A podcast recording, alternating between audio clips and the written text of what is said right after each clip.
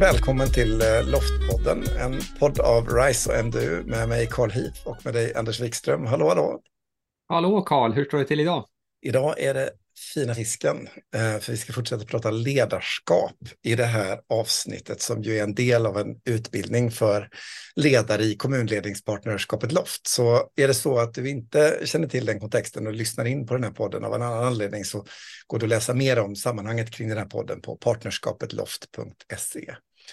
Eh, och serien handlar ju som sagt om att utforska förnyelse och transformation utifrån eh, dess olika element som eh, utgörs eh, inom eh, ett innovationsledningssystem. Och nu är vi inne på att prata om elementet ledarskap och eh, den här gången, Anders, så ska vi prata om det här med att utmana vedertagna sanningar och ja, men det kanske är lite skaviga i eh, innovationens eh, ledarskap. Eh, det, vi har ju varit inne på flera gånger och på många olika sätt att mm. ledarskapet verkligen eh, ja, att det spelar roll hur ledarskapet är för ett innovationsledningssystem och möjligheten för medarbetare och organisationen att jobba med, med innovation. Eh, och och jag vet inte riktigt var vi ska börja någonstans, men alltså, ja, om man bara ska liksom kasta in en fråga till dig någonstans så mm. tänker jag att eh, när vi gör nya saker så gör vi ju det utifrån någon form av liksom defaultläge eller ett ursprungsläge. Vi har någonstans där vi befinner oss eh, på liksom hjulspåren vi kör i och då vet vi var vi är på väg och vi har åkt den här vägen innan. Och så ska vi göra förnyelse och så behöver vi liksom tänka om, inte bara liksom eh, vad vi gör utan också kanske till och med vart vi är på väg någonstans. Vi behöver lämna liksom det uppkörda vägen för att liksom söka oss någon annanstans. Eh, så där vi har varit och där vi är behöver inte självklart alltid hänga ihop med vart vi ska, men det kan göra det och så vidare. Mm. Ja, och här vet jag att eh, det finns eh, Ja, det finns en massa forskning kring detta naturligtvis också. Och jag vet att det finns någonting som heter treboxmodellen för detta. Mm. Kan inte du, om vi bara ska börja någonstans och bara kasta oss rätt in i Eh, ett sätt att tänka kring det här med skavet och friktionen och eh, de gamla hjulspåren och hur vi gör för att komma någon vart i detta. Ja, precis. Den, den är utvecklad av en eh, amerikansk indier tror jag han är faktiskt. Jag är ganska övertygad om att han är indier, men jag tror att han bor i USA nu.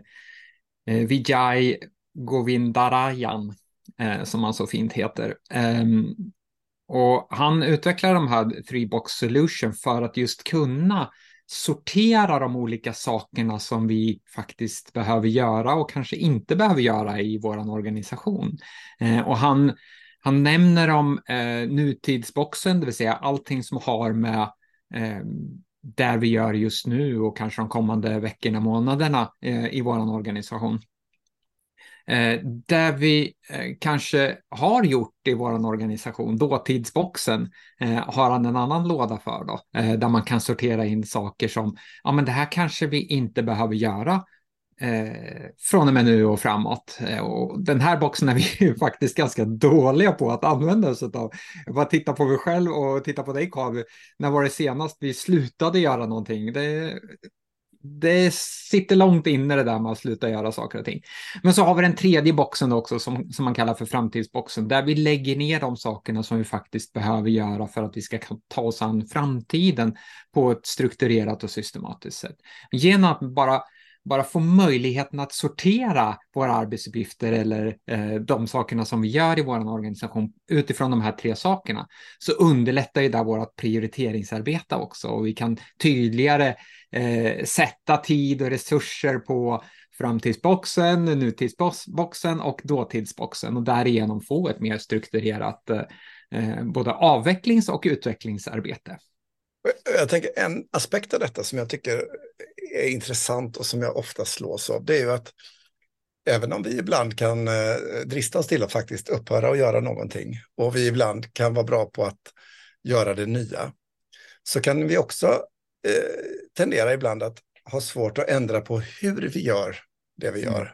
Alltså ett mm. typexempel som är så vanligt förekommande både i, i liksom offentliga och privata organisationer. Det handlar till exempel om hur det går till när vi har ett möte till exempel. Att om mötets eh, an, liksom disposition handlar om att gå igenom föregående mötesprotokoll, då ägnar vi oss egentligen åt dåtiden mm. från början på mötet, det första vi gör. Och vi, vi kanske inte ens har en yta för framtiden på motsvarande sätt som vi har till dåtiden i liksom hur vårt vardagliga protokoll är. Så när jag tänker mm. på den här trebox, eh, eh, three box solutions eh, modellen, så tänker jag också att det, liksom, våra praktiker, alltså våra processer för innovation eller våra processer för att leda och styra, är också någonting som vi borde liksom titta på in i den här eh, modellen. Hur gör vi för att leda på ett sådant sätt så att vi skapar det här utrymmet för framtiden eller mm. lämnar därhän det som vi borde lämna därhän.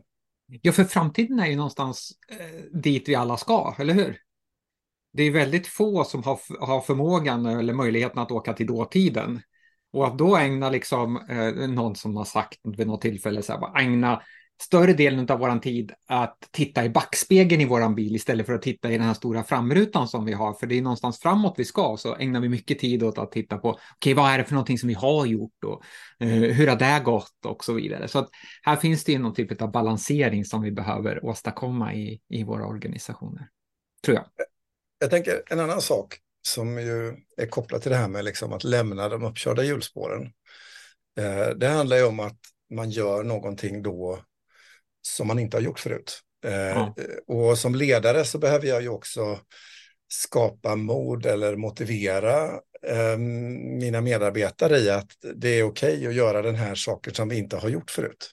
Mm. Eh, och det för med sig en hel mängd nya typer av saker. Jag kan ju själv vara rädd för att göra det nya som jag inte har gjort förut. För det som jag har gjort förut vet jag ju hur jag ska göra och där kan jag ju ha en trygghet i proceduren eller sammanhanget och sådär. Men när jag ger mig i kast med att göra det där jag inte har gjort så är jag ju per definition på mycket mer osäker mark och jag behöver leda i den där osäkerheten i relation till eh, mina kollegor och, och min organisation och, och, och, medborgare, brukare, kunder och så vidare. Mm.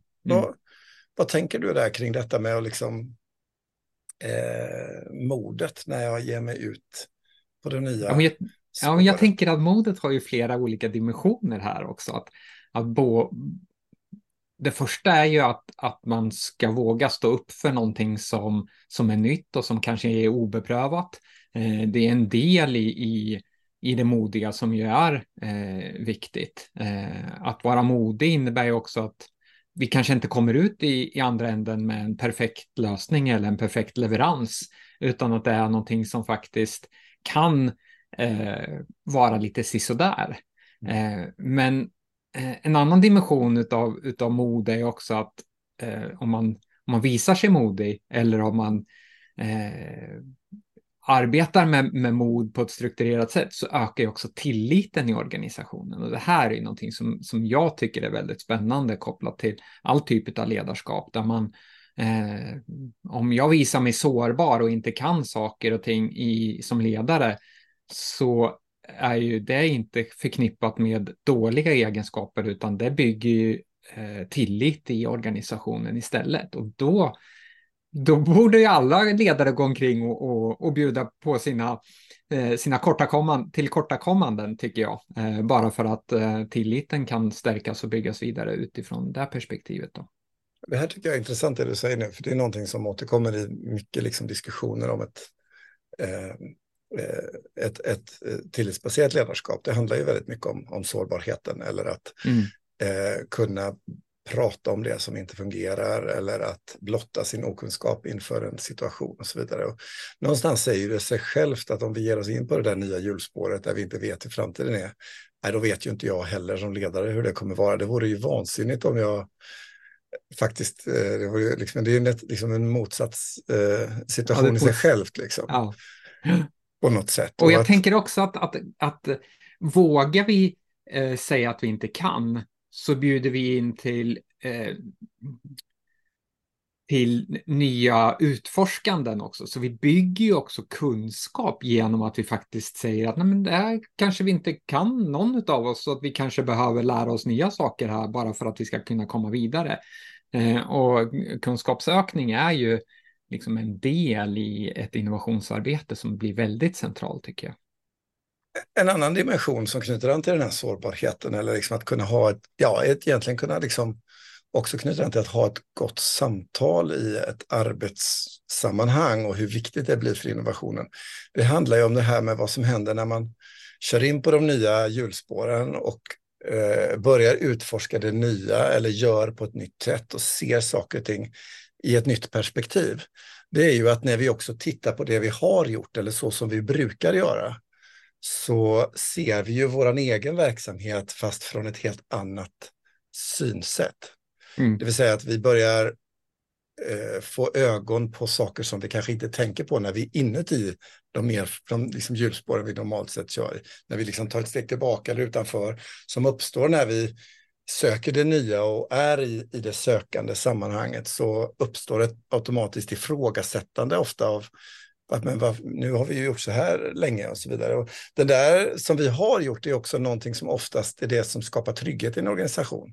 Jag mm. vet vad jag ska göra, jag vet att vi har hållit på så här och gör jag det så kan jag liksom bocka av min lista och känna att jag har kontroll över läget och det är förutsägbart och, och, och, och så vidare. Så här uppstår det ju en brytpunkt, eller det finns en risk att det uppstår en brytpunkt mellan liksom när jag rusar iväg in i den nya hjulspåret och börjar organisera om för att hantera förnyelse, bygga ny organisation eller skapa ny verksamhet och så vidare. Jag ser på det gamla med nya ögon och får ett annat perspektiv på det. Här blir ju ledarskapet jätteviktigt i att liksom, vad är det här? Hur tänker du om det? Nej, men jag tänker att man som, som ledare som eh, omfamnar Eh, Eh, förnyelse, innovation och, och, den här osäkerheten som faktiskt kan ju uppfattas som ganska jobbiga. Eh, att, att de kontinuerligt eh, ifrågasätter saker och ting i, i organisationen skapar ju den här ovissheten. Vad är det för någonting som vi faktiskt ska göra? Eh, och då kommer vi bort ifrån den här tryggheten som vi så gärna och Eh, mycket behöver ha i våra organisationer. Eh, en sak som jag dock har sett i den forskningen som jag har gjort, som just kopplat till, eh, till om ledare vågar ifrågasätta Eh, de vedertagna sanningar, våga ifrågasätta sättet vi gör på idag, innebär det också att man utmanar organisationer att faktiskt tänka nytt. Och i, i de eh, innovationsklimatsmätningar som jag har gjort i ett 50-tal organisationer så eh, framkommer det kontinuerligt att utmaningsnivån, det vill säga den kompetensmässiga eh, utmaningsnivån på medarbetarnivå, eh, all, är alldeles för låg finns liksom ett gap här som vi inte utnyttjar i att faktiskt skapa nya tankar, eh, få in den kunskapen som finns hos medarbetarna in i vår organisation och bygga vidare på den. Så här tycker jag att, att vi kanske utmanar och ifrågasätter alldeles för lite i våra organisationer. Även om det kan upplevas som lite jobbigt. Så kommer vi tillbaka till det här med, ja, ifrågasätter vi och utmanar vi så kanske vi också behöver skapa utrymme för organisationen att bearbeta och reflektera och, och eh, agera runt det här också. Så att utmanar vi så behöver vi också skapa liksom utrymmet för att faktiskt komma till rätta med det eller, eller kunna svara upp emot de utmaningarna som vi faktiskt har här. Så här går det lite hand i hand de olika sakerna som vi pratar om. Jag tänker att en annan utmaning som uppstår i den politiskt styrda organisationen när det kommer till Ehm, att köra in på nya hjulspår. Det kan ju handla om att vi får en ny politik som har ett annan målbild och vill ett annat, åt ett annat håll.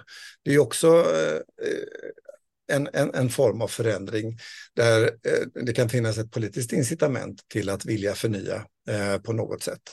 Eh, det kan också naturligtvis komma ifrån en tjänstemannaorganisation som vill förnya på ett sätt som eh, behöver kommuniceras till en politik så att den förstår varför tjänstemännen vill göra på ett visst sätt eller så. Men det finns ju en särskild dynamik här egentligen i det politiska ledarskapet och att mm. liksom tänka när vi tänker om att vi ska ge oss in på ny eh, och göra nya saker. Att det här är någonting där både tjänstemän och politik i den politiskt styrda organisationen behöver vara med ombord och finnas med i den här resan. Det uppstår ju mycket risker annars, tänker jag, i det fallet som som vi lämnade endera parten utanför den här resan i, i, i början av den så att säga.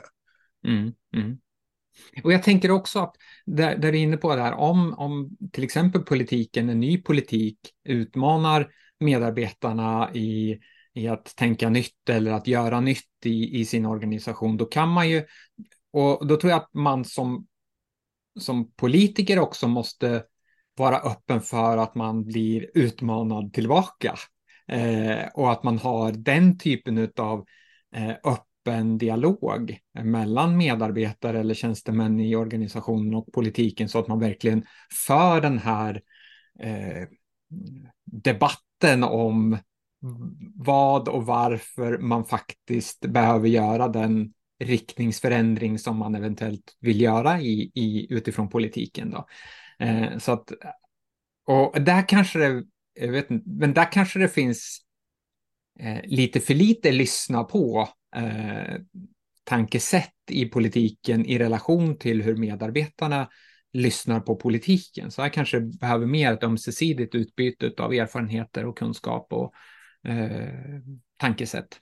Och det ser ju säkerligen väldigt olika ut i, i respektive politisk miljö, tänker jag också. Men, men att, att det finns ett värde där i att, att just reflektera över att eh, förnyelse och ledarskap i den politiskt styrda organisationen inbegriper både tjänstemannaorganisationen och politiken och att ska vi få med oss mm. organisationen så blir alla de här beståndsdelarna viktiga att ta i beaktan i, i ett eh, Eh, i, i, i det här långsiktiga innovationsledningsarbetet som, som vi nu pratar om.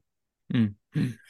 Jag tänker att vi eh, rundar av där för den här gången, Anders, och eh, fortsätter att nörda vidare i ledarskapet och innovationen i kommande avsnitt. Ja, vi vågar utmana, helt enkelt. Det gör vi. Ja. Tills nästa gång, Anders. Ha det så ja. gott. Detsamma. Hej. Hej.